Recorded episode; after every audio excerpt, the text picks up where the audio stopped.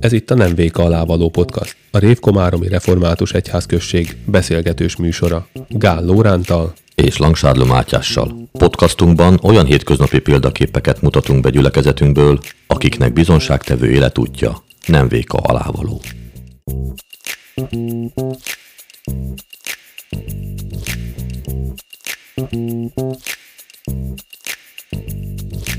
De hát őt kell megkérdezni, hogy hogy akarja, hogy hívják szerintem. Jó, De, és hogy... akkor te most Farkas Lívia Farkas vagy? Banai Tóth Lívia. De a Farkas Lívia tökéletes. Arra koncentráltam nagyon, hogy ezt ki tudjam. Én csak Farkas Líviát használok, de hivatalos sajnos az maradt így, hogy ennyi vezetéknéve. Áldás békesség, köszöntjük a gyülekezetünk presbiter házaspárát, Farkas Attillát és Farkas Léviát a műsorunkban. Ez az első olyan alkalom, amikor nem hárman, hanem négyen vagyunk.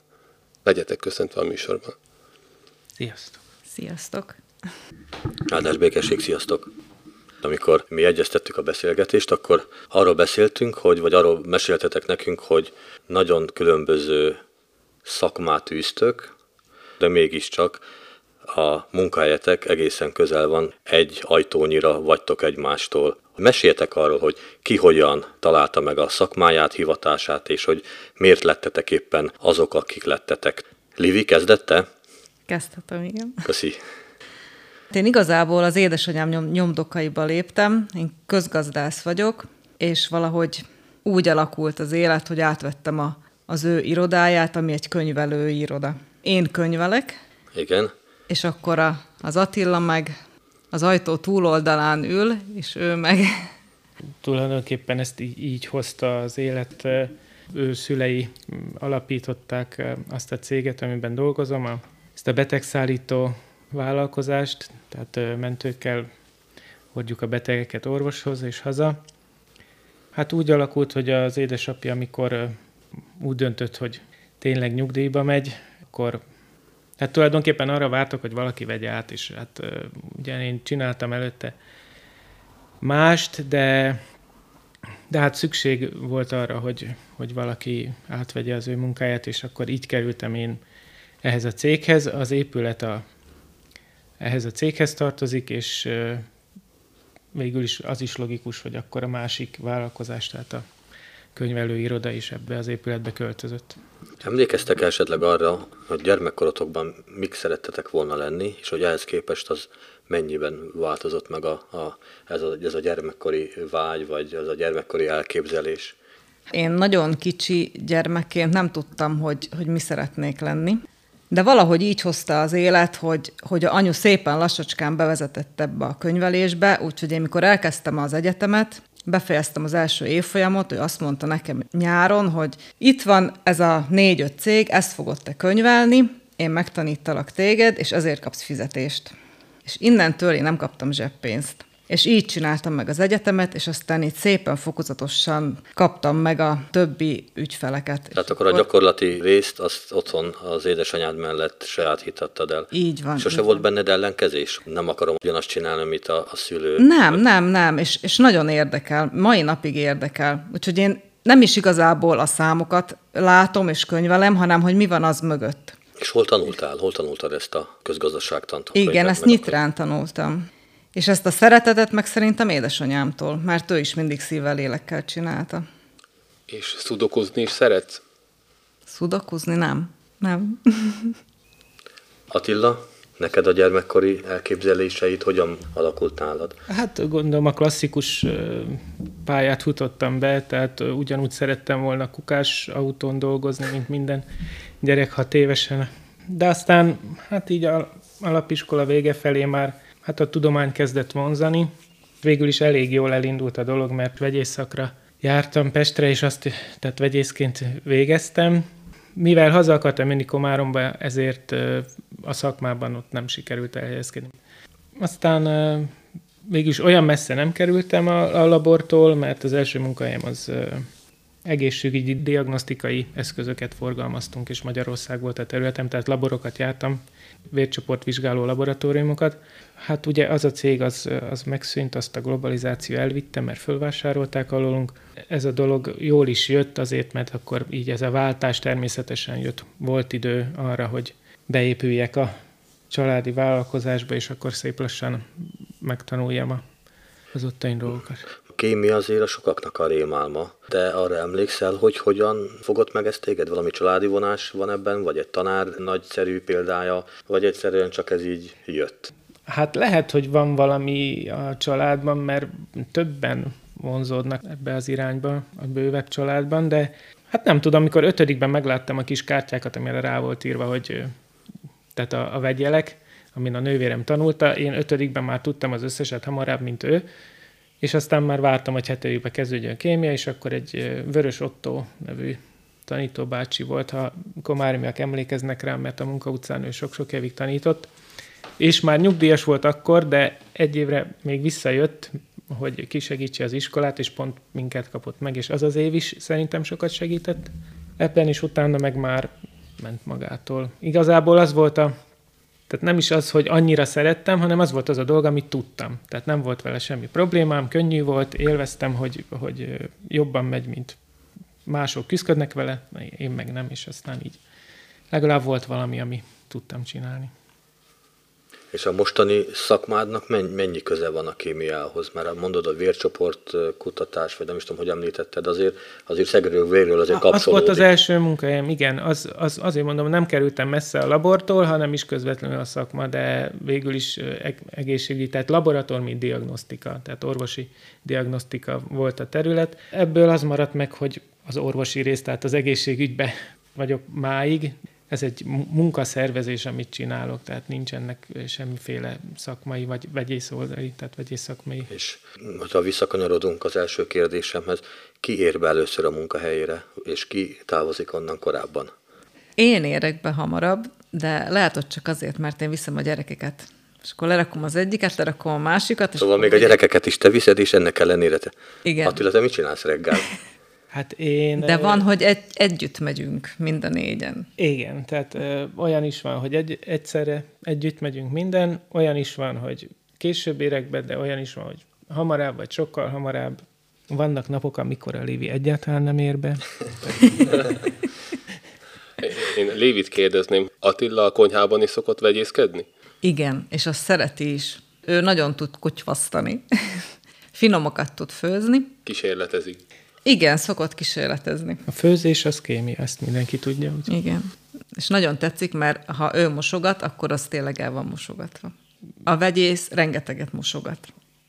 És ez a szakmája. Te mit tanultál, vagy mi a szakmád? Hát én mosogatni tudom. Ugye a... Jött a kémcsöveket? kémcsöveket? Hát persze, minden, ugye sokat töltenek laborba, sok időt, és minden labor végén rendet kell rakni. Ez, ez, ez egy komoly munka, sőt, közben is kell mosogatni sokat, és tisztának kell lennie igazán a dolognak, nem csak ránézésre. Úgyhogy... És akkor ezt hogy képzeljük el ezt a konyhába kocsfasztást, hogy kötsz egy kötényt, és akkor felcsapsz egy receptes könyvet, vagy azért be vannak már jól bejáratott hát, receptjeid, és azokon finomítasz, vagy alakítgatsz? Hát változó. A köppeny az megvan. nem szoktam kötényt kötni, de nem mindig, attól függ, hogy mit csinálunk. Mert a, mert a laborosoknak van egy fehér köpeny, gondolom nem fehér köpenyben nyilván, de de... Igen, persze, ez hozzá tartozik a vegyészköpeny. Minél több lyuk van rajta, annál jobb a vegyész, azt onnan lehet tudni. Minél több lyuk? Hát persze, ott már sokat látott az a köpeny, már kimarta a sok vegyszer. Értem. És mi volt az, amit legutóbb kocsfasztottál? Ami jól sikerült. Jaj, hát olyan nem volt. Hát nem tudom. Amúgy Lévi többet főz igazából, illetve időszakok hát van. igazából nekem 7-8 éve megállapították, hogy nem ehetek semmi tejterméket és semmi glutént. Az bizony Attila olvasta el mindegyik terméknek, hogy mi mit tartalmaz, és mit ehetek, és mit nem, és akkor bizony ő főzött addig, amíg meg nem tanultam én is, mert nekem nem volt rá idegzetem. És azt ő vitte végig. Az üzletbe akkor egy másfél órát töltöttünk, míg mindent elolvasott, és megmondta, hogy mit tehetek és mit nem. És most legutóbb is tésztát csinált, ilyen tejszínes zöldséges tésztát. Mert nekünk szeret főzni, mert a Zsófi is most már sajnos a lányunk ő se hát se tejterméket, se glutént, úgyhogy... Legalább se... ő is szeret főzni. Most már kettőnknek főz. És általában úgy van, hogy ő főz nekünk, én meg ne, nekik a fiúknak. Igen. Említetted a Zsófit, a lányotokat. Akkor jöttünk, akkor lejött köszönni a fiatok is. Két gyermeketek van, és itt ülünk, azt is mondjuk el azért a hallgatóknak, hogy egy gyönyörű, szép családi házba, amiről azt mondtátok, hogy 14 éve laktok itt együtt. Tényleg nagyon kellemes otthon. Meséljetek egy picit erről a családi házról, hogy kerültetek ide, és hogy épült ez a ház, hogyan jöttek a gyerekek. Mi a Víz utcán kezdtük, hatodik emeleten, egy nagyon szép háromszobás lakásban, oda született Zsófi, és ő egy olyan kislány volt, aki csak babakocsiba aludt, és autóba aludt. És nyugodt helyet szerettünk volna mindig, hogy nyugodtan tudjon aludni, és mi sokat sétáltunk itt a Singellőbe, és akkor így mentünk házról házra, és úgy tetszett ez a utca, mert ez a utolsó utca, ennek van kertje, de nincs annyi szomszéd. És aztán valahogy megláttuk, hogy ez a ház eladó, és megkérdeztük, hogy milyen az árfekvése, meg igazából mi úgy éreztük azt a háromszobás lakást, hogy mintha kicsi lenne már nekünk, mert szerettünk volna még gyermekeket, és valahogy elénk tárult ez a ház. Ezt így megláttuk, beleszerettük, és azóta is nagyon szeretjük. Ki végzi a kerti munkákat, a ház körüli munkákat? Azért olyan nagyon sok minden nincs a kertben, mert úgy gondoltuk, hogy a kert legyen értünk, és nézve minden zöldel és virágokat látok, fákat szépen, mint hogy tényleg egy ilyen kertész járni, de fű is tökéletes hajlásszögben van levágva. Nagyon jó, hogy csak a hang van felvéve, mert ha a képet látnák az emberek, akkor nem ezt gondolnak. Tehát úgy van megcsinálva, hogy minél kevesebb munka legyen vele. Csak a füvet nyírjuk. Itt ott a hát tavasszal, meg ősszel van ugye több munka, de azt Attila csinálja, meg most már a gyerekek is. Igen, azt akartam mondani, hogy a gyerekeknek kellene csinálniuk, de mert igazából mi minden munkát négyen csinálunk. Úgyhogy ha ki is megyünk a kertbe, akkor négyen megyünk ki, négyen kezdjük el. Most az, hogy az áron ő inkább labdát fogja meg, és vagy kosarazik, vagy röpizik, de hogyha megkérjük, akkor ő is segít, a Zsófi az meg csak segít. És akkor így mindent örömmel csinálunk négyen. Főzni is hárman szoktunk. Ez így alakult ki nálatok, vagy ezt így otthonról hozzátok? Hát szerintem ez saját lesz, mert az én családomból biztos nem jön, a Livi meg egyedül gyerek volt, úgyhogy szerintem ez így alakult ki. Ez nekünk, ez nekünk, igen, ez így alakult ki, ez nekünk így, így jó, meg kell, hogy tényleg legyünk együtt. Mert nekem két testvérem is van, de mi mindig szanaszét voltunk, ahányan annyi felé. Mesélsz róluk?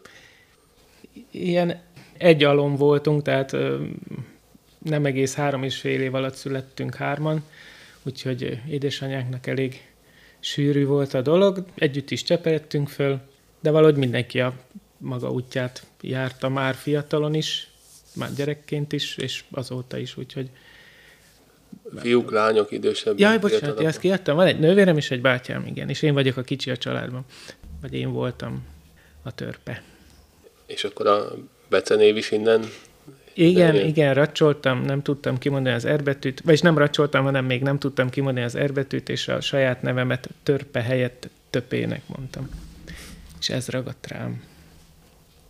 És nagy küzdelem volt ez a harmadik gyereknek lenni a családban? Egyáltalán nem de hogy milyen volt a családunk élete, az attól függ, hogy kit kérdezünk. Mert én teljesen másképp emlékszem rá, mint a nővérem. Tehát ugyanazt azokat a dolgokat teljesen más szemszögből mondjuk el.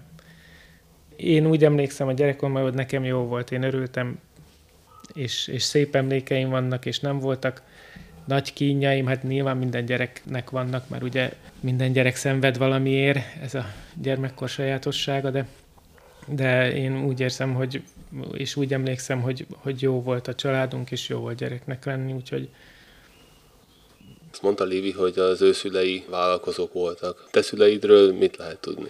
Én vagyok a munkás gyerek, és a Lévike az értelmiségi.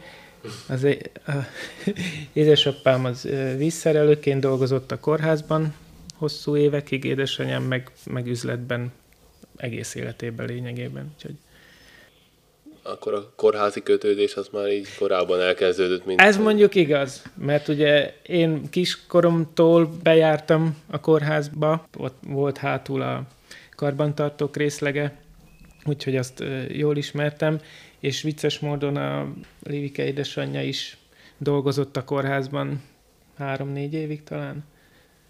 90-es évek elején, tehát és... Elég sokat, többet. Többet? Szerintem 5-6 évet is igazgatóságon dolgozott az édesanyám, mint közgazdász. Hát igen, és aztán végül is innen is megmaradt és... az egészségügyi kötődés, mert az ügyfélkörük lényegében onnan került ki. Tehát a, akiket könyveltek, azok a... Úgy kezdte az anyu. Ugye, akkor, akkor kezdtek az orvosok magánpraxisokat, kimentek a kórházba, és akkor ők, ők, ők segítettek. Tehát a édesanyja segített nekik ebben. Soha nem akartál vízszerelő lenni? Ilyen műszaki dolgok azért vonzottak, tehát gépek, akár a szerelés, építés, tehát ez se eltávol tőlem. Nem mondom, hogy az akartam lenni, de örül, örülök mindennek, vagy örültem mindennek, ha valamiről megtanultam, hogy na, ezt is tudom csinálni. De hát nem vagyok olyan nagy szaki, csak, csak szerettem mindenbe beleütni az orrom. Ugye utaltunk rá, azt hiszem az Attila mondta, hogy egyke vagy. Nagyon elkényeztettek a szüleid? Hogyan próbálták mondjuk a nevelésben figyelni arra, hogy megkapt ugyan mindent, persze, de azért ne is legyen a, a, az egyszem kislány elkényeztetve. Biztos erre külön figyeltek. Én nem érzem, hogy el lettem volna kényeztetve, mert ugye a 80-as, 90-es években az anyukámék is ugyanúgy jártak munkahelyre, és ugyanúgy csak fizetést kaptak. 95-től, 96-tól lett édesanyám kvázi könyvelő, és az apu az ugyanúgy dolgozott, mint munkásember. És aztán én 99-től már bevont engem a munkába. És épp az előbb mondtam, hogy ő nem adott nekem zseppénzt, hanem azt mondta, hogy most itt van, ezt fogod te könyvelni, ezeket a cégeket, és ezért fogod megkapni azt a fizetést, amit a többiek kapnak. Tehát nem kaptam egy koronával se többet, mert akkor még korona volt. És én pontosan ugyanannyit kaptam, és ők így tanítottak meg engem, hogy pénzzel bánni, és hogy tényleg nőjek föl a feladathoz. És egyébként emlékszel, hogy ezt a megkeresett pénzt mire költötted, mit vettél belőle? Könyvet? Vagy elmentél a lánybarátnőiddel, és nem tudom, beültetek egy kávézóba? Ez nagyon vicces. Én az albéletemet fizettem belőle nyitrán, meg az Igen. utazásomat, mert nem, nem kaptam mást. Úgyhogy én amit megdolgoztam, az, az oda ment. Az albérletre, a utazásra. Tehát ilyen fenntartható volt akkor ez a tanultál azért, hogy el tud végezni édesanyád által rád bízott feladatot, de az, abból meg, abból, azt meg visszaforgattad így a tanulmányolói tulajdonképpen. Így van. De ezért én nagyon hálás vagyok, mert így tanítottak engem meg arra, hogy hogy kell beosztani azt a keresetet, mit lehet abból venni. Mi az, ha egyet-egyet kéne mondanotok, és most mind a kettőtökhöz fordulok, amit a ti gyerekeiteknek is így egy ilyen nevelési módszert, tudatos-e vagy ösztönösen, amit fontosnak éreztek, de olyan valami, amit ti is úgy kaptatok, vagy úgy adtak át nektek a szüleitek. Van-e ilyen valami, amit ti is a két gyermeknek átadtok? Az én családomban egy kicsit ilyen, ilyen szerepcsere van a anyukám meg apukám között, mert az anyukám ő nagyon sokat dolgozott, mindig nagyon sokat dolgozott, apukám meg otthon volt, és ő főzött. És én tíz éves koromtól ott álltam a konyhába, és az apu mutatta nekem, hogy hogy kell főzni. És én ugyanezt átadtam a Zsófinak, tényleg ő kiskorától kezdve ott állt, és ott sütött, főzött velem, és ezt most már nagyon jól műveli, és szereti is csinálni úgy, mint ahogy én. És ez olyan, olyan jó nekem, hogy, hogy ezt úgy át tudtam adni, mint ahogy én kaptam. Veled kapcsolatban, Attila? Az lenne a, a cél, vagy hát én mindig azt szerettem volna, hogy, hogy a gyerekek megkapják szintén, ahogy a Livi is a maguk felelősségét. Gyakorlatban tanulják meg ők is, hogy mit jelent az, hogy valamiért felelősséget vállalni, saját maguk felépíteni egy munkát, elvégezni és örülni a végén, hogy megvan. Akinek van több gyereke, az tudja, hogy egyáltalán nem egyformák a gyerekek, még akkor se a testvérek. A Zsófia tényleg nagyon szorgalmas és nagyon önálló. Az Áron, hát meg fiú, ugye a fiúk azért általában több, több noszogatásra szorulnak, úgyhogy igyekszünk is beléverni egy kis önállóságot. Hát még van ideje, de meg De ami a fontos, kezdeni. bocsánat, hogy amit elkezdenek, azt csinálják végig, és nem adjuk föl. Mondjuk, hogyha azt mondaná az Áron, hogy holnaptól én nem megyek röplabdaedzésre, akkor mit mondasz neki? Olyan nincs. És ebből a mondatból, meg tekintetedből ő meg is ő érti, hogy valóban. Tudja, igen, de hál' Istennek szereti, és a röplabdáért hajlandó hajnalba fölkelni, és késő estig edzésen lenni. Úgyhogy tényleg azért van kitartása. Említetted, hogy mindent igyekeztek együtt csinálni. Ha jól számolom, ugye körülbelül tinikorba vannak vagy lépnek be, ami ugye a legnehezebb időszak. Mekkora lázadók a gyerekeitek? Mert úgy veszem észre, hogy itt minden nagyon flottul működik. Hál' Istennek. Erről én, én... Fogsz, te fogsz nekem azt hiszem beszámolni, mert Igen mert a Livi mosolygott, te meg azért húztad a fogadat. Ne, nem úgy húztam, hanem... Magyarázatot hanem, kérek erre a hát csak, arckifejezésedre. Ne, hát pozitívan akartam nyilatkozni, csak nem akarom elszólni a dolgokat. Ugye Zsóf ja, értem. most lesz 16, nem mondjuk, hogy nem voltak neki is meg azok a dolgai, ami a tiniknek megvannak, a feleselés, vagy a csúnya megnyilvánulások, de nagyon távol van attól, amire azt mondanám, hogy rossz vagy baj. Tehát igazából csak jót tudok róla mondani, hogy igazán ügyesen átvészelte szerintem a Tinikot még egy-két év, és akkor már ezt tényleg múlt időben mondhatjuk. Az áron meg most közvetlen előtte van, úgyhogy reméljük, hogy vele se lesz olyan nehéz, hogy esetleg olyan dolgoktól kellene visszatartanunk, ami úgy néz ki, hogy rossz. Szerintem ő is elég nyugodt gyerek, úgyhogy...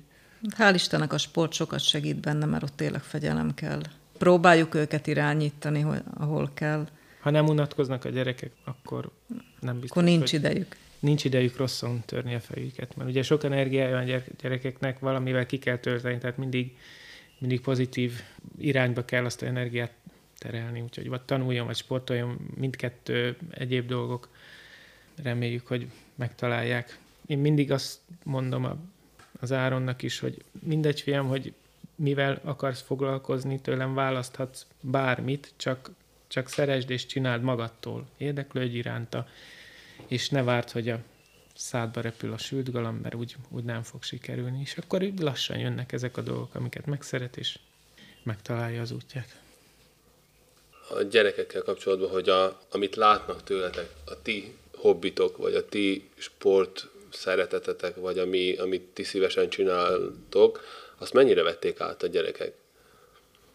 Vagy mi az, amit szívesen csináltok, és ez mennyire volt hatása a gyerekekre? Nem tudom, érthető a... Érthető, érthető. kérdés, csak azon gondolkodom, hogy csinálunk egyáltalán valamit. Hát, látnak tőlünk valamit, mert... Az, hogy hárman röpiznek, és én mindig nézem őket. Úgyhogy ez ami, ami ilyen közös hobbi. Te szurkolsz? Én szurkolok, igen, nekem a kezeim azok olyan gyengék a röplabdához, de ők hárman nagyon helyesen játszák a játékot. A sport meg jött, mert a gyerekeknek kell a sport. És így most már mi is elkezdtünk valamilyen szinten egy kicsit mozogni, sportolni. Mondjuk az, amit örököltek, az a cserkészet. Ja. Mert uh, ugye én cserkészkedtem tíz éves koromtól, kilenc mentől, amikor itt újra alakult a csapat Komáromban, az egy meghatározó része az életemnek. Mindenképp szerettem volna, hogyha ők is megismerik és jó közösségbe kerülnek, úgyhogy sikerült is aztán, ugye erőltetni nem nagyon lehet a dolgokat, de aztán sokan elkezdik már hat éves korban, de úgy jött ki, hogy, hogy végül is csak hatodikos volt a Zsófi, amikor elkezdte, és vele együtt az Áron harmadikos korába, de beilleszkedtek oda, és ők is megszerették, és látják, hogy hogy ez milyen jó dolog, úgyhogy talán ez, amit, amit örököltek. Te mindig is a szíveden viselted a cserkészetet, ez a mai napig is gondolom, hogy így van. Hát így van, csak ugye az aktív cserkészkedés az, az általában kikopik már a, azzal, hogy az ember családos lesz, általában ez a folyamat. De mivel már van egy családos generációja a a cserkészeknek, ezért szerencsére hozott új dolgokat is, családos cserkészet például, tehát olyan alkalmak, ahol kisgyerekes családok együtt lehetnek, mint cserkészek. Úgyhogy végül is lehet ezt családdal, tehát szülőként is csinálni. Nyilván többet lehetne segíteni a csapatnak. Tehát ha, ha kérnek, vagy, vagy tudok, akkor segítek, de azért olyan aktívan nem veszek már részt. Azt elmeséled, hogy téged kivitt le először a cserkészek közé? Szerintem a Rácz család volt, akkor uh, majd család kezdte el, ha mond ez És, a mi, és mi volt az, ami téged ebben megfogott? Az egyenruha?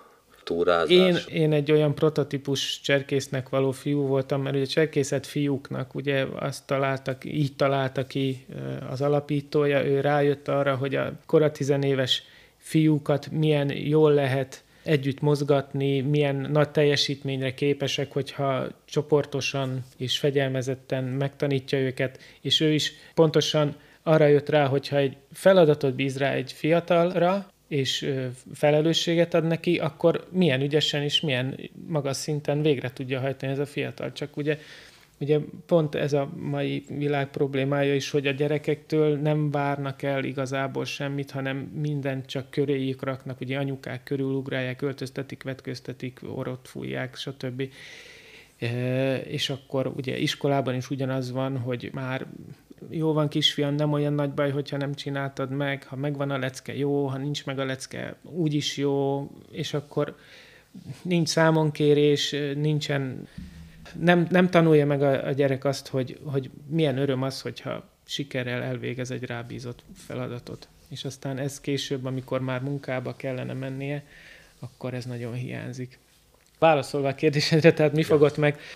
Eleve arra épül, hogy fiúk szeretnek csoportosan együtt dolgozni. Mivel katona alapította a szervezetet, van egy erős katonai vonal a fegyelmezettségben, ugye formában, alaki gyakorlatok. Tehát egy, egy harcra hívja a fiatalokat, amire mindig kapható a, a fiatalság, hogy, hogy valamit igen menni, együtt csinálni, végrehajtani, és hát ez, ez a ez a kicsit, ilyen, kicsit ilyen pál utcai fiús dolog. Ez igen, ugye, igen, de ez, a, ez, ez, benne van a fiúkban, és, és ugye amúgy is ezt csinálják, és a pál utcai fiúk ugye összeverődnek, akkor most golyóznak, mert szeretnek együtt lenni, együtt játszani, így meg egy keretben van foglalva az, amit élveznek a fiúk, és ugye szeretnek valaki után menni, és felnézni a, a nagyobb fiúra, és akkor így, így tudták nevelni a kisebbeket a nagyobb fiúk azok a mellett, az elvek mellett, amit lefektetett a cserkészet mesélj egy olyan sztorit, ami a cselkészet szóra az első kedves emlékként eszedbe jut. Hú, hát mindenképpen a táborok jutnak az ember eszébe, vagy az első vezetőm szigorúsága vagy keménysége, a Rácz Tibor, aki nem hagyta azt, hogy ne legyen megcsinálva az a feladat, amit meg kell csinálni. Nagyon nehéz rávenni a fiatalokat dolgokra, még akkor is, hogyha szeretnék megcsinálni, csak szeretnek ellenállni. És hogyha ő azt mondta, hogy most énekeljünk, akkor öt, öt fiú nem nagyon szeret énekelni, de ő, ő addig nyomta és addig erőltette, amíg megcsináltuk, és utána, amikor sikerült elvégezni ezt a dolgot, akkor meg igenis sikerélmény volt. És az, hogy hát erre emlékszem, hogy szüksége van a, sokszor a, a fiúknak arra, hogy egy külső nyomásra, arra, hogy elinduljon azon az úton, amin kell. És nyilván nem mindenki egyformán, nem mindenki szereti ezt, ott van a bátyám, ő is elkezdtük együtt, de ő tényleg nem az az alapanyag, mert ő nem szereti azt, ha megmondják neki, hogy mit csináljon. És ő alapvetően annyira lázadó, hogy ő erre azt mondja, hogy ez engem nem érdekel. De, de sokan vannak, akik tudnak együtt csapatban dolgozni egymásért és, és célokért, úgyhogy Livihez fordulnék, hogy neked milyen cserkész élményeid vannak? Én nem vagyok cserkész, úgyhogy nekem nem igazán van cserkész élményem, de voltunk egy cserkész táborban együtt, úgyhogy én a konyhán segítkeztem. És ott a cserkész élmény, a tábortűz. Nekem a, a tábortűz az, ami, ami megfogott esténként. Az olyan igazán meghitt, és szép volt mindig. Hát igen, az mindig a nap, napfény. A napfény pontja. pontja. Az a, az a melegség, és ahogy éreztük, hogy alszik el a tűz, és jött a, a hideg, aznak az a eleje, közepe, vége, ez nagyon, nagyon szép volt, tényleg nagyon meghitt. és a végén, mikor mindenki föláll, és megfogja egymás kezét, és a utolsó éjjeli éneket elénekeljük, az, az nagyon szép. Az igazán. Ott már az Attila gitározott? Igen. Ott már úgy voltam, mint menyasszony. Épp azt akartam kérdezni, hogy akkor lángolt fel a szerelem, mint a tábortűz, vagy az már egy kicsit korábbi történet? Hát az jóval korábbi történet, az nem a cserkésztábor volt, hanem a Firesz tábor. Tehát akkor volt velünk közösen Attila elvitte, elvitted őt, hogy, hogy a Kiállom-e utolsó a- próbá, az, kiállod, pont ezt akartam mondani, kiállod az utolsó próbát, és hogy beállítod őt a legkeményebb műszakba, a konyhára, nem tudom, több tucat emberre főzni. És Az, az utána- kemény munka volt, és, és 40 fokba ott a sátorba pucolni a krumplit, de tetszett. Jó bulinak tartottam. Így is lehet nézni, hogy kiállja a próbát, de ugye arról is szó volt, hogy ő Nyitrán tanult, én, én Budapesten, tehát a nyár az rövid volt, amikor együtt lehettünk volna, de én ugye mindig táborokba jártam, vagy Cserkész, vagy Firesz, vagy gyerektáborba, igen, ott is egyik táborban, a másikban és hogy így is annyival több időt tölthessünk együtt, bár mondjuk egy Cserkész táborban igazán nem sok időt tudunk együtt tölteni, mert ott pont az a jó benne, hogy mindig történik valami, és mindig program van. Mondtad, hogy ott mennyasszony voltál. Hogy kérte meg Attila a kezedet? Hú, akkor így visszafele lépdelünk az időben? Hát az egy élmény volt. Nem tudom, 2000... Mikor? Segíts. 2003-ba, vagy Ö, 2000... Na mindegy, egyik 2000 karácsony 2000 előtt. 2003-nak. 2003 Vagy Kar- négy. 2003 karácsonyá megkért, hogy menjek fel utána Pestre, így 23-án, 22-én, valahogy így, és nagyon rossz idő volt, és ő kitalálta, hogy elmegyünk valahova, amit én nem tudtam, hogy hova este, de olyan rossz idő volt, hogy azt mondta, hogy á, inkább forduljunk vissza, és menjünk vissza a kollégium szobába. Visszamentünk, és hogy megnézzünk egy mesét, és ez a Shrek mese volt, amit megnézetett velem, és akkor vége volt a mesének, akkor ott van az a halleluja szám a végén, Igen. és az alatt kérte meg a kezemet. Valami hozzáfűzni való, Attila? Nem túl romantikus helyen, de nekünk az, az nagyon szép volt akkor. Hova akartad vinni a rossz időbe? Volt valami különlegesebb helyszín? Van egy kellemetlen tulajdonságom, hogy nagyon gyorsan felejtek, és nagyon sok mindent elfelejtek. Tehát fogalmam nincs. De nem valami elterelő hadművelet volt, ott, ott valóban... Gondolom. Igen. Én arra Gondolom, hogy emlékszem, volt hogy, egy tervem. negyedik emeleten volt a kollégium szobája, mi lementünk, és a portánál megfordultunk, és visszamentünk. Na, ő jobban emlékszik dolgokra. Van egy komáromi nyitrai egyetemista, aki keményen dolgozik nyáron is, hogy megkeresse a kollégiumi pénzt, aztán van egy komáromi cserkész, de pesti egyetemista. Hogyan jön össze, hogy ismertétek meg egymást? Nyugodtan vágjatok egymás alá. Ja, legjobb. ne, hát csak mert arra vagyok kíváncsi, hogyha ketten elmeséljük, akkor mennyire ugyanaz a történet, de egyébként valószínűleg ez elég hasonló lenne. Nem tudom, te hogy emlékszel? Hát az én első Firesz táborom az 95-ben volt, és én őt ott láttam meg. Helyszín? Kamocsa. Kamocsa. És utána én akkor mentem gimibe, és ő akkor már gimnazista volt. Kamocsa 1995. július Közepe? nem tudom honnan jöttem, milyen táborból, de mire én megérkeztem a helyszínre, oda az udvarba, addigra már lényegében mindenki ott volt, és ahogy beléptem a kapun, ott baloldalt az épület tornácán van az asztal, vagy volt egy asztal, elég sokan voltak körülötte, háttal nekem a Rácz Tibora volt őrsvezetőm, és beszélget egy lányjal, aki vele szembe áll az asztal túloldalán, és hát én, én csak néztem. És hát kb. Így, így kezdődött, úgyhogy abban a táborban megismerkedtünk. Nem tudom, folytassam-e, vagy... Hát hogy ne? Hogy ne most jönnek az érdekesebb részletek, igen. Most jön a szünet. Most jön a szünet, mert ugye én akkor, ugye 95-ben 15 éves voltam, a Lévi még nem volt 15, ugye ő is 80-as. De akkor És- ott bemutatkoztatok egymásnak, meg is beszélgettetek. Igen, igen, igen. Ő csodálkozott is, hogy csak úgy mellé ültem az első nap az asztalnál. Mondjuk én is magamon, de Te a bátorságodon gondolom, nem azon, Igen, hogy igen, odaültél. igen, igen, igen, igen. De hát, ha Amit, amit a cselekészetből hozhatsz, akkor ez a bátorság. eljátszottam én, hogy csak úgy véletlenül ültem oda, tehát ez nincs probléma, mert hát ugye a színészkedés is jól ment. De ugye ez 95 volt, 15 éves voltam, és akkor mondtam is neki, hát nem tudom, hogy ő akkor mit gondolt magába, de mindjárt elmondja. Illetve nem mondtam semmit, mert uh, ugye 15 évesen még úgy, úgy gondoltam, hogy illetve biztos voltam benne, hogy még korai az, hogy én valakivel kapcsolatban legyek. Nem tudom, hogy mennyire részletezem a dolgot. Hát aztán jött egy olyan né, három és fél év, hogy ugye minden iskolába találkoztunk, Mondjuk ott ritkábban, főleg eleinte. ritkábban, és mindig volt a péntek, mikor volt az ifi kör, és akkor ott voltunk kvázi sok-sok emberkével együtt, de mindig ott voltunk mind a ketten. És aztán ő elballagott, és én ballagás előtt voltam, mikor, mikor aztán összejöttünk. Tehát ugye... Tehát én- addig, és addig, egymásra addig, addig így találtunk. úgymond kerülgettétek egymást, Igen. de azért kölcsönös volt a szimpátia, ez nyilvánvaló. Kölcsönös, igen. Hát igen, én úgy eltettem magamnak a lévikét, hogy ha eljön az ideje, akkor, akkor majd lesz, ami lesz, és hát ugye addig érleltem én magamban a, dolgokat, aztán, hogy ő hogy volt vele, azt csak ő tudja. Tehát a középiskola az egy olyan zárt közeg, és annyira egyféle életet élnek akkor a, a fiatalok, hogy egyszerűen nem tudhatják azt, hogy, hogy milyen a világ, és hogy milyen emberek vannak azokon a, az embereken kívül, akik körülveszik őket, ugye elsősorban az osztálytársak.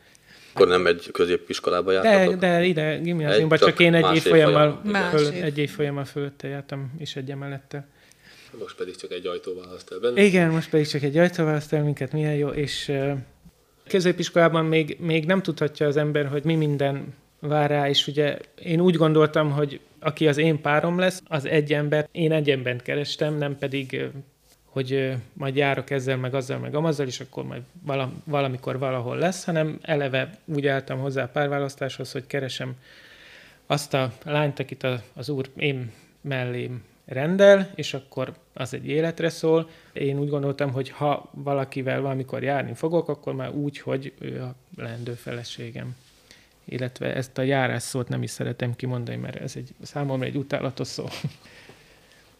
és aztán én 98-ban elballagtam, egy év egyetem, fél év, mert hogy az első fél év után én a másodikat nagyjából itthon töltöttem, mert az első nem sikerült túl jól, és aztán újra kezdtem a következő évben, és abban a fél évben, mikor itthon voltam, akkor már többet találkoztunk, és miután ő elballagott júniusban, vagy májusban, szóval befejezte a középiskolát, akkor nyáron alakult ez ki, hogy, hogy akkor te az enyém, én a tied, és hát azóta 99-től akkor végül is egy párt alkotunk, De utána jöttek még csak ugye akkor az egyetemista évek, ha jól Igen, értem, te igen. Pesten, és Igen, te meg igen. Gitrán, Jó. misztikailag egy komoly műveletet kellett azért, Hát az is volt a nehézség, hogy akkor még nem volt telefon.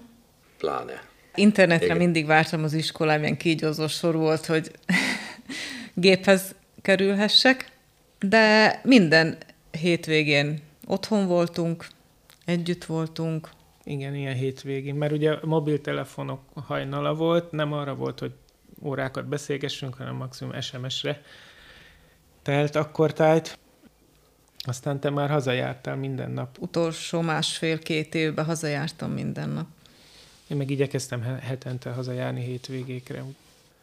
Amint lediplomáztatok, meg is történt az esküvő, vagy az már korábban?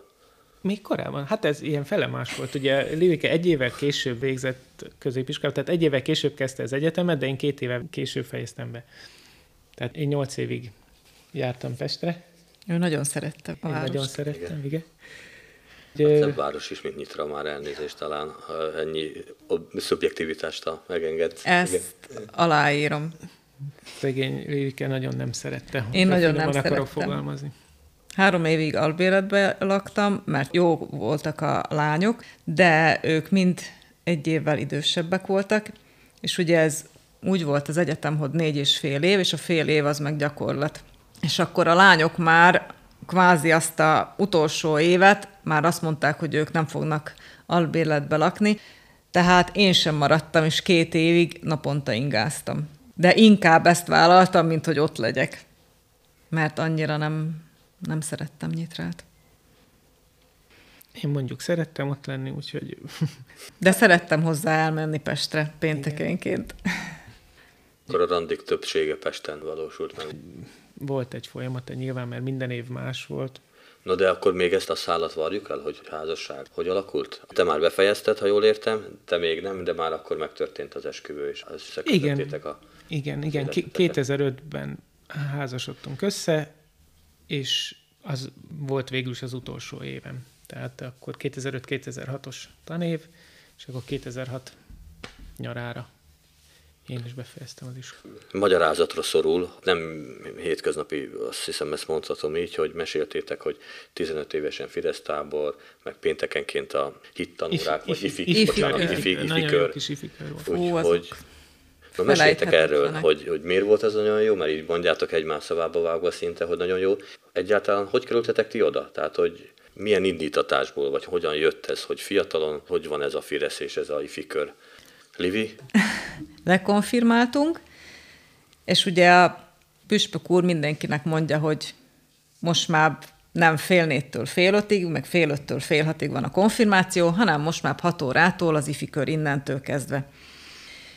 És ugye az Attila egy évvel hamarabb konfirmált, ő már oda járt az ifi körbe. Én alig vártam, hogy én nekem is sikerüljön lekonfirmálnom, és ugyanúgy tudjam folytatni mert az valami csoda volt. Ott rengetegen voltunk, rengeteget énekeltünk, rengeteget kaptunk ott. És hát ott volt az Attila is. Igen. Tetejébe. Igen. Ezt a családból hozod egyébként, vagy ez inkább ez egy olyan gyerekkori pontban kialakult valami volt, húzott téged ez a Ez így kialakult, és, és oda húzott a közösség, így van. De a szüleim végig mellettem álltak, de úgy ők nem jártak templomba rendszeresen. Ez egyértelmű volt mondjuk a te családodban, a te esetedben, hogy azért konfirmáljon le a gyerek, mert az Igen. fontos, mert az a családban Igen. mindenki eddig megtett, megcsinálta, Így és van. akkor te is. Hát... Így van, ez alap volt, hogy ezt, ezt, ezt a folyamatot meg kell csinálni, és aztán ott maradtam. Mennyien jártak akkor ebbe az ifi körbe? Hát ilyen 40 és 60 közt voltunk Aha, szerint. Azért 60 nem. Nem? De 40 fölött ja, jó. 30-40. Jóval De. voltunk. Ha kevesen, akkor 28.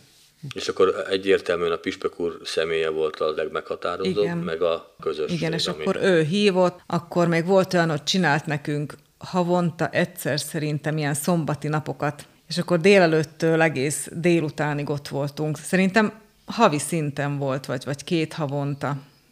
Úgyhogy nagyon sok alkalmunk volt. Gyakorlatilag a te esetedben ez úgy van, hogy ott tanultad meg az első lépéseket a hitben, vagy hit Így útján. Van. Igen, ez egyértelműen ott kezdődött, és ott ragadott magáévá. És nálad, Attila, hogyan lettél ennek a közösségnek a tagja? Hát belenőttem. Mióta megszülettem, jártunk templomba, ugye az még az a korszak, amikor nem volt divat, vagy hát ugye nem mindenki mert, vagy nem mindenki tehette meg, hogy templomba jár, egészen kicsi koromtól emlékszem, hogy jártunk. Nem mondom, hogy annyira szerettük volna, vagy hát akkor is ugye kisgyereknek az hosszú, meg unalmas tud lenni. Aztán, ahogy Püspök úr megérkezett, elkezdett hittanórákat tartani, ugye nem iskolákban, hanem még el kellett járni a mostani kollégiumba. Azt hiszem másodikos vagy harmadikos koromtól, nem tudom, 88 vagy hogy, hogy jött azóta.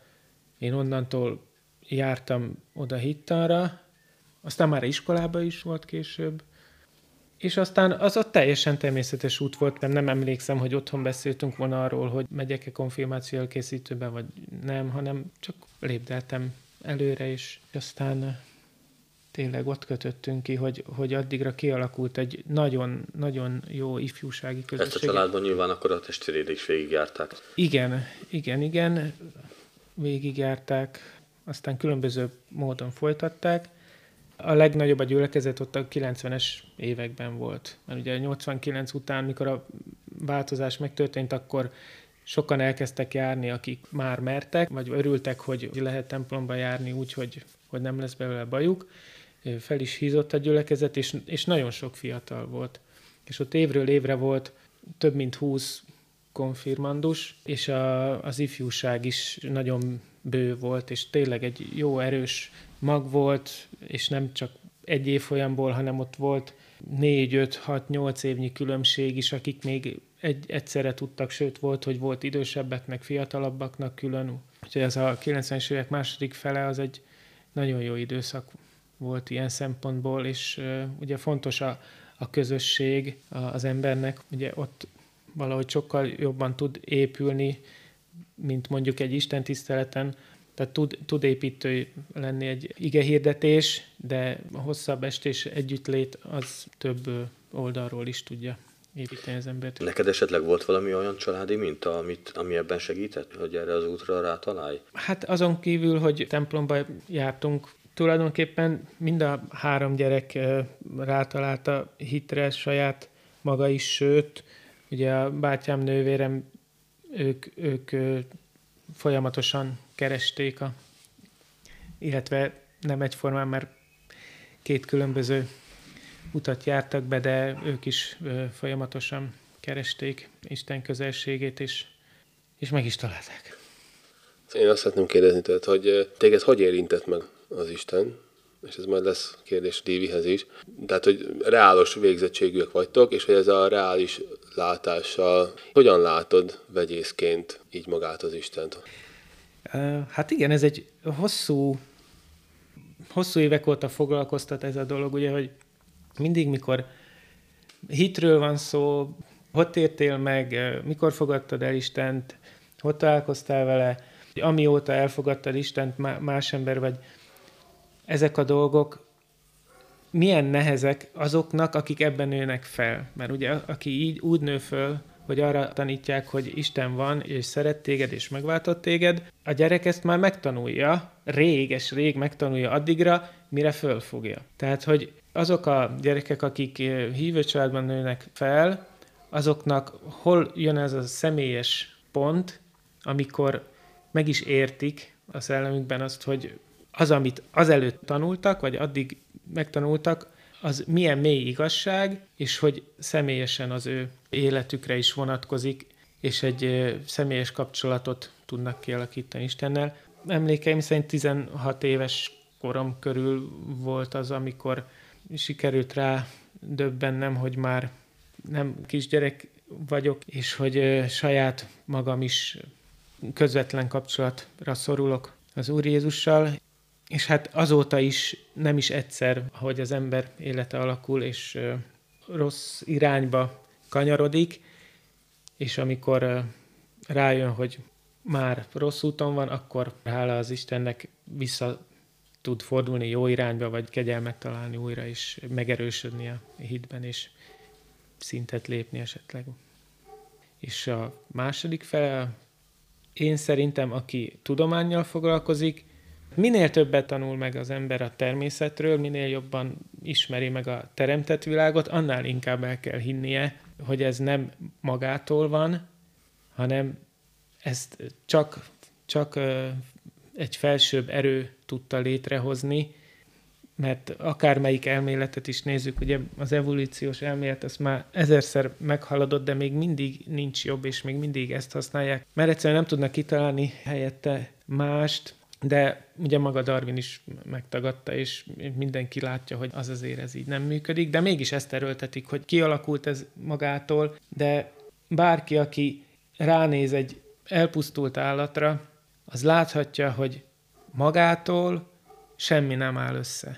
Mert azonnal minden szétmegy. Ha csak fölépítek egy épületet és magára hagyom, az is szétesik. Minden szétesik, mert a teremtő erő nélkül, Szent Szellem nélkül nincs élet. Az életet Isten adja, és egyszerűen nem is lehet kérdés, hogy, hogy, hogy ez önmagától tud létezni.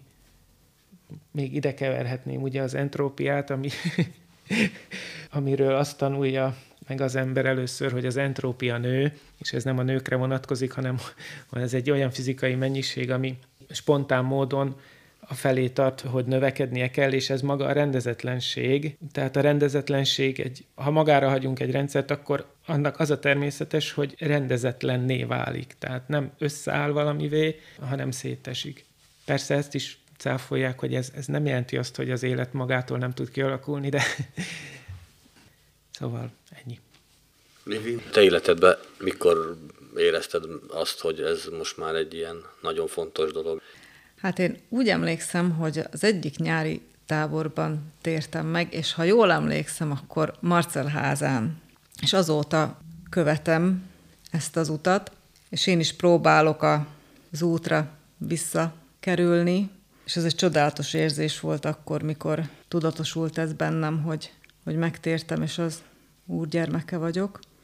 És hogy a munkámmal hogy kapcsolódik össze, az meg nagyon érdekes, mert ugye én nagyon sok emberrel beszélgetek, és nagyon sok mindenki sok félét szeretne tőlem, hogy könyveljem le, ezt tegyem be a könyvelésbe, és én nem tudom, és nem is csinálom meg sokszor a kéréseket, és én meg is mondom nekik, hogy én ezt, ez csalásnak minősül, én ezt nem tudom megcsinálni, és nem is Ja, hogy rá akarnak venni igen. arra, hogy a, a Persze, hogy, hogy ezt, áthágva... Igen, igen, igen, hogy ezt nyugodtan könyveld le, és én, én mindig mondom, hogy én ezt nem tudom megcsinálni. És veszítettél már így el? Én, én meg is mondom nekik, hogy ha, ha ezért elmennek, akkor menjenek el, mert akkor nem ide valók. Én ezt mindig megmondom. És már nem egy, nem kettő ilyen volt. Volt, aki elment, és volt, aki megköszönte. Megköszönte, hogy hát, a figyelmét rá. Igen, igen, és megköszönte, hogy nem, nem rögtön, hanem egy évvel, másfél évvel később, hogy jó bizony, hogy azt nem tettük be, és nem könyvelted le. Nem mondtam, hogy az az én felelősségem, amit, amit lekönyvelek. És ez felelősséggel jár, mert ott van a fehéren a fekete. És azért felelni kell. És napi szinten felelni kell azért, amit én lekönyvelek. Ez egy nagyon példaértékű hozzáállás. Nekem még annyit jutott eszembe, hogy most végigvettük, hogy hogy ismerkedtetek meg, hogyan lett köztetek szorosabb a kapcsolat, és itt vagytok most egy gyönyörű szép családi házba, stb. De amikor az, az a kapcsolat kezdett kialakulni, akkor a másik számára egyértelmű volt, hogy mind a ketten akkor már egy komoly hívő, vallásos érzületűek vattok, és hogy tudtátok a másikról, azon kívül persze, hogy ifi körbe jártatok, Fidesz táborba, meg stb. De hogy ez világos volt a másik számára, hogy hát az Attila egy hívő ember, ő maga, tehát ez egy része az egész Attilának, vagy fordítva Livi egy hívő lány, akinek fontos-e az, hogy hát, hitben járjon.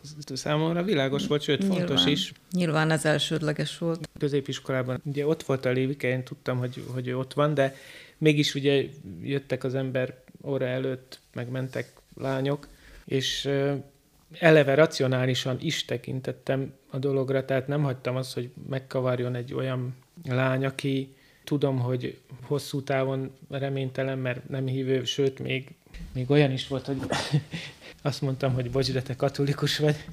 De jó, az inkább csak kifogás volt, csak... Úgyhogy igen. És most nem az miatt, mert az a lényeg, hogy református legyen, mert nem, nem a vallás a lényeg, hanem a hit, ugye ezt nem, nem jó összekeverni. Tulajdonképpen ez amit az ok és az okozatot cserélnénk fel. Ugye a, a vallás az csak a szervezet hit, de hogyha megfordítjuk, az olyan, mint ugye, ha visszamennénk az Ószövetségbe, tehát nem a tetteink miatt igazolunk meg, hanem az igazságot Jézus által eleve megkaptuk, ha elfogadjuk, és azért viselkedünk úgy, ahogy mert szeretjük az Úr Jézus, és úgy szeretnénk viselkedni, hogy ez neki tetszen, vagy, vagy hogy ráhasonlítsunk, és ezt nem szabad felcserélni. Ugye sokan azt gondolják, hogy, hogy akkor templomba járok, református vagyok, akkor szépen kell beszélnem, nem szabadna lopnom, nem szabadna csalnom, nem szabadna paráználkodnom, és akkor próbálnak küzdködni és úgy viselkedni, hogy az elvárható, csak ez nem vezet egyáltalán célra, mert akkor elfelejti azt, hogy vagy nem tudja, hogy ez fordítva működik, hiszen a bűneinket már megbocsájtotta Isten Jézusban, és ezért én csak hálával tartozom, és, és azért szeretnék úgy élni, vagy azért élek úgy, hogy hálából, nem pedig kötelességből, vagy éppen azért, hogy jutalmat kapjak érte. Ha már ennél a témánál vagyunk, presbiterként és így keresztény családként Van-e olyan ige, ami számotokra kedves vagy vezérige? Hát Ki lehet Igen. keresni, meg tudunk állni. nem, tulajdonképpen nem is egy ige, hanem a, a nefély volt hosszú éveken keresztül, amit mindig bátorított akármelyik igéből, mert ugye elég sok van belőle. Pont ezt akartam mondani. Igen? Jaj, de jó. Na, hát Hogy minden akkor- napra egy van egyébként. I- igen, ugye? igen, Ez ezt mondják, hogy van belőle 365. Nem látod, számoltam meg. vagytok. Ez hihetetlen. Ne, nem számoltam meg, de ugye leginkább az Ézsaiás, a ne félj, én neveden szólítottalak, enyém vagy, de ugye bármelyik másik. És hát mondhatom, hogy ezen már túlléptem, tehát hogy most nem ez az ige, nem erre van szükségem, mert már a félelem nincs bennem, úgyhogy tulajdonképpen ez az ige már megtette a magáét is, megdolgozott az életemben. Nekem is szintén ez a, ez a nefé volt, és most van a, ez a szerénységet adtam néked, és ezt már második úrvacsorán kaptam meg a Zsuzsa nénitől. És ez most olyan, olyan szívmelengető, és most, most úgy ez, ez ami úgy szinte naponta előjön. Mind a ketten presbiterek vagytok, ne hagyjuk ki azt a témát se, hogy beszéljünk egy picit a gyülekezetünkről röviden. Hogyan látjátok ti a mi kis gyülekezetünket, presbitériumunkat, magatokat benne, feladatokat, valami ilyesmiről kérdeznélek benneteket. Fiatalok vagytok, azért ha azt nézzük a presbitériumi átlag életkor tekintve biztosan, hogy biztos egy más szemléletet is hoztok. Akkor Na, most én kezdeném, aztán, Jó, aztán átviszed. Szerintem mi, mint presbiterek, mi úgy gondoltuk, hogy egy kicsit aktívabbak is tudunk lenni, és tudunk tenni többet a gyülekezetért. És ezt még úgy nem sikerült megmutatnunk a tettvágyunkat, hogy mi az, amit tudnánk adni. Nagyon jó, hogy erről beszélsz, mert szerintem ez sokaknak a érzése lehet. Mert mi azért is vállaltuk el, hogy egy kicsit ébredjen fel a gyülekezet, hogy egy kicsit több közösség Ti legyen. most vagytok első ciklusban? Igen, igen. Presbiterek, mind a ketten. Covid ciklus. Csak ez ugye ez a Covid, ami még jobban leapasztotta a közös együttléteket. Érdekes, mert hogy az emberben benne lenne ez a tetvágy, és mégis azért nehezen találja néha ennek a kifejeződését, hogy hol foghatná meg a munka végét. Igen. Tolokodni se akar, meg a régi dolgokat se lehet pillan- egyik napról másikra Másik napra. felülírni, vagy Igen. megváltoztatni. Igen. Mondtad ezt a pozitív dolgot, hogy sok pozitívuma van, mondj egyet, ami szerinted nagyon pozitív és nagyon jó, ha gyü- gyülekezetre gondolsz, kérdezni egy idegen ember, hogy no, mi jó ebbe a gyülekezetbe, akkor mit mondanál, hogy mi a legjobb bennünk. Nyugodtan gondold át, vagy gondolkozz rajta. Vagy hogy miért érdemes a komáromi gyülekezetet választani. Ugye, hogy a gyerekeitek is konfirmáltak, vagy hát a Zsófi. Hát a Zsófi révén ez egy, ez egy nem, nem túl pozitív, mert szegény ugye négy fővel konfirmált, és azóta sincs hitbéli élete a gyülekezeten belül. Nem tudom, hogy nekünk, de nekem biztos ez ilyen szívfájdalmam, mert én alig vártam, hogy, hogy egy csodálatos közösségbe kerüljek, és akkor fogták a kezem, és vittek, és mentünk mindenhova, és, és tényleg élő hit volt Igen. és ő neki ez nincs meg. Most, ahogy kezdődik ebbe a Firezbe, úgyhogy mennek mind a ketten táborba, nyár, nyáriba is, meg a ősszel is volt, meg nagyon várják, és nagyon jó nekik, de itt Komáromba nincs. Attila, te azt mondtad, hogy a szívedet teljesen átjárta a neféige, és kimosta belőle a félelmet, úgyhogy most tessék előállni a kritikával. Nincs mitől tartanod. Jó, akkor inkább csak önkritikát mondok. 21-től vagyunk? Tehát két és fél évet. Azért annyira nem voltak nagy presbiteri ambícióim, de hát ha kértek, és elfogadtam a jelölést, és megválasztottak, ugyanannyi szavazattal mind a kettőnket. Véletlenül. Komoly, erre nem is figyeltem fel, pedig ott ne- felolvasok. Neki egyel több lett, de én nem szavaztam magamra. Én se, ne viccelj. De én szavaztam rád. Hát rád én is. De hát magamra nem. rád Akkor ezt a nem, meccset elbuktad. nem. Nem, nem. Egyforma szavazatunk volt. Egyforma szavazatunk volt. De, de nem mindenki minket, hanem hol egyikünk, hol Na, másik. igen, ezért volt vicces. Igen. Véletlenül ugyanannyi jött össze. Úgyhogy miután megválasztottak, az, azért, azért gondolkodtam, és nekem már akkor volt egy programom, hogy mik, miket uh, szeretnék, vagy mi lenne jó, hogyha alakulna, és ebből még semmit nem csináltam, vagy el se kezdtem, úgyhogy ez egy kicsit szomorú. Az önkritika, de tényleg ez egy nagyon kemény nem fogalmaz. Szerintem azért ettől lehet megengedőbb is magaddal szemben. Csak annyi, hogy akkor voltak dolgok, amit egyelőre még nem... Nem, szerettem volna egy, egy dolgot valahogy felépíteni, az pedig az, hogy kibővíteni a dicsőítés részét a, a, az Isten tiszteleteknek, és ugye dicseksünnel szerettem volna lepaktálni, mert hát ha már úgy is van, akkor, akkor ezt kellene valahogy kivirágoztatni, vagy kibővíteni. Nekem olyan tervem volt, hogy nem egy-egy megjelenése lehetne a dicseksünnek, hanem lenne egy nagyobb dicsőítő csoport, aki végül is folyamatosan jelen lenne ilyen vagy olyan formában a, az Isten tiszteleteken. Konkrét terveim is volt, hogy tovább próbáljuk, igen. Valami, igen. Tehát ez, ez így már így bennem kialakult már több mint két éve ezelőtt. És például, amiről nem is esett szó, hogy akkor énekkar is volt a 90-es években, és olyan csodálatos Ezt volt az az mondani, énekkar. hogy minden héten annyira, annyira jó volt, és az is ö, sokat adott, és aztán fiatalok, nem tudom... De a fiatalok is mennek, ott nem a énektudás a lényeg, hogy milyen szépen tudsz énekelni, ott, ott annak, nem, nem a... annak éneklünk, aki ott van a templomban, hanem az Úr Jézus Krisztusnak éneklünk, úgyhogy... Valahogy ezt össze kéne kalapálni, és egy szakmai vezető is kellene. Mert én lehet, hogy összeszervezem, de hogy most ezt a dalt így csináljuk, meg így dolgozzuk fel. Jó ötleteim nyilván vannak, de nem biztos, hogy meg tudom Hajrá. mutatni.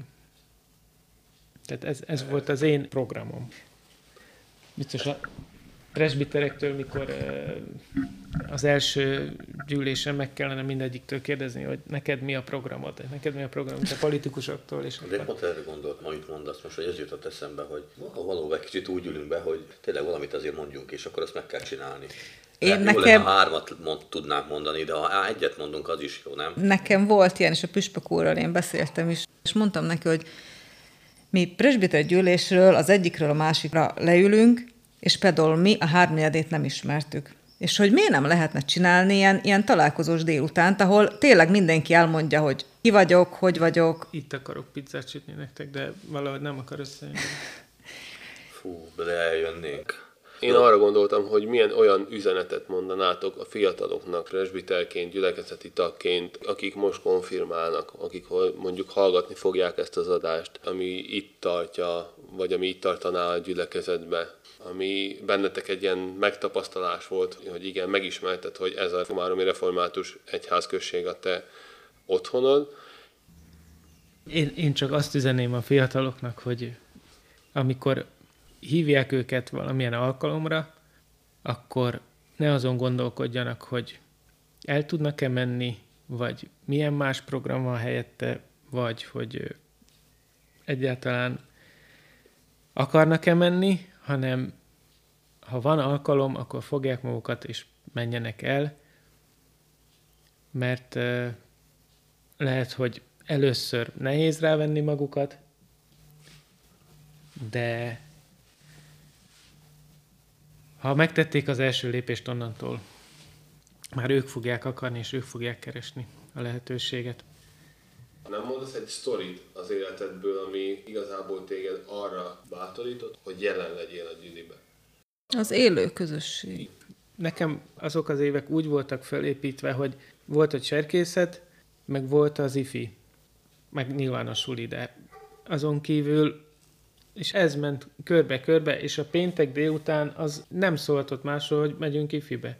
És nem volt olyan, hogy most akkor van nekem meccsem, vagy akkor kell zeneiskolába mennem, vagy osztályból megyünk el most ezen a hétvégén a szülőkkel, ugye nem jártunk kirándulni, vagy rokonlátogatóba, vagy sehova. Tehát egyszerűen szabad volt a péntek délután.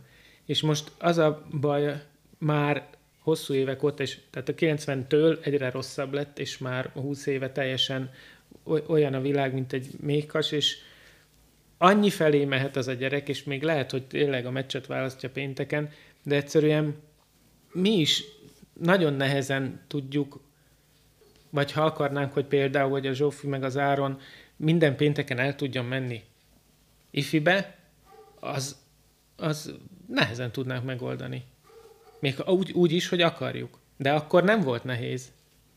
Tehát azért most sokkal könnyebb nemet mondani bármire, mert valamiért az embereknek sokkal több dolga van, mint, mint amikor én voltam gyerek. Mert ott nem volt szombaton se vitt sehova a család, se a sport, sem, semmi kör, se az angol, semmi, semmi ilyen más dolog. Csak ez a kettő dolog volt, és ezért is nekem könnyebb volt. De most, amikor azt mondják például a lekonfirmált gyerekeknek, hogy na, akkor jövő pénteken hatkor találkozunk, hát a fele pénteken hatkor sörözik, a másik fele meg ki tudja, hol van, és akkor egy csomó hétvége meg eleve kiesik. Úgyhogy végül is így nehezebb dolga van a mai fiatalnak megtalálni, vagy behelyezni a prioritási sorba, hogy akkor én most minden péntek délután ott vagyok, és semmi nem érdekel. Ha meg hétközben van, az meg még rosszabb, mert hétközben tényleg bármi lehet, és akkor még tanulnom kell esetleg másnapra, nem tudom.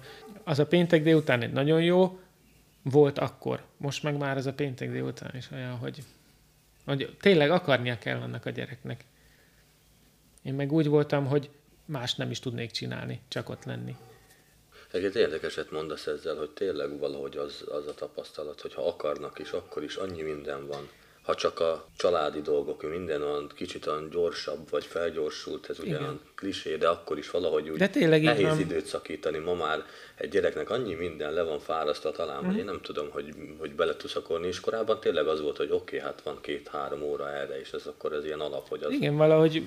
De erre időt kell szakítani. Nehéz lenne ennek a megfejtése. De tudom, hogy én, mint család, vagy hát mi, mint család, mi akadályoznánk meg egy évben 4-5-6 hétvégét biztos.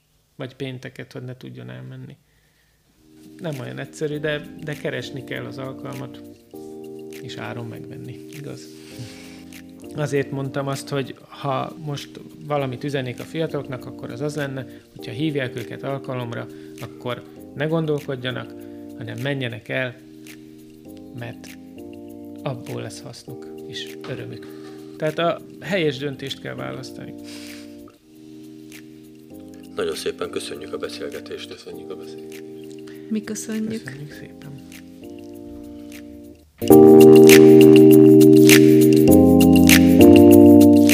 Podcastunkat a Révkomáromi Református Egyházközség és a kisebbségi kulturális alap támogatta. köszönjük.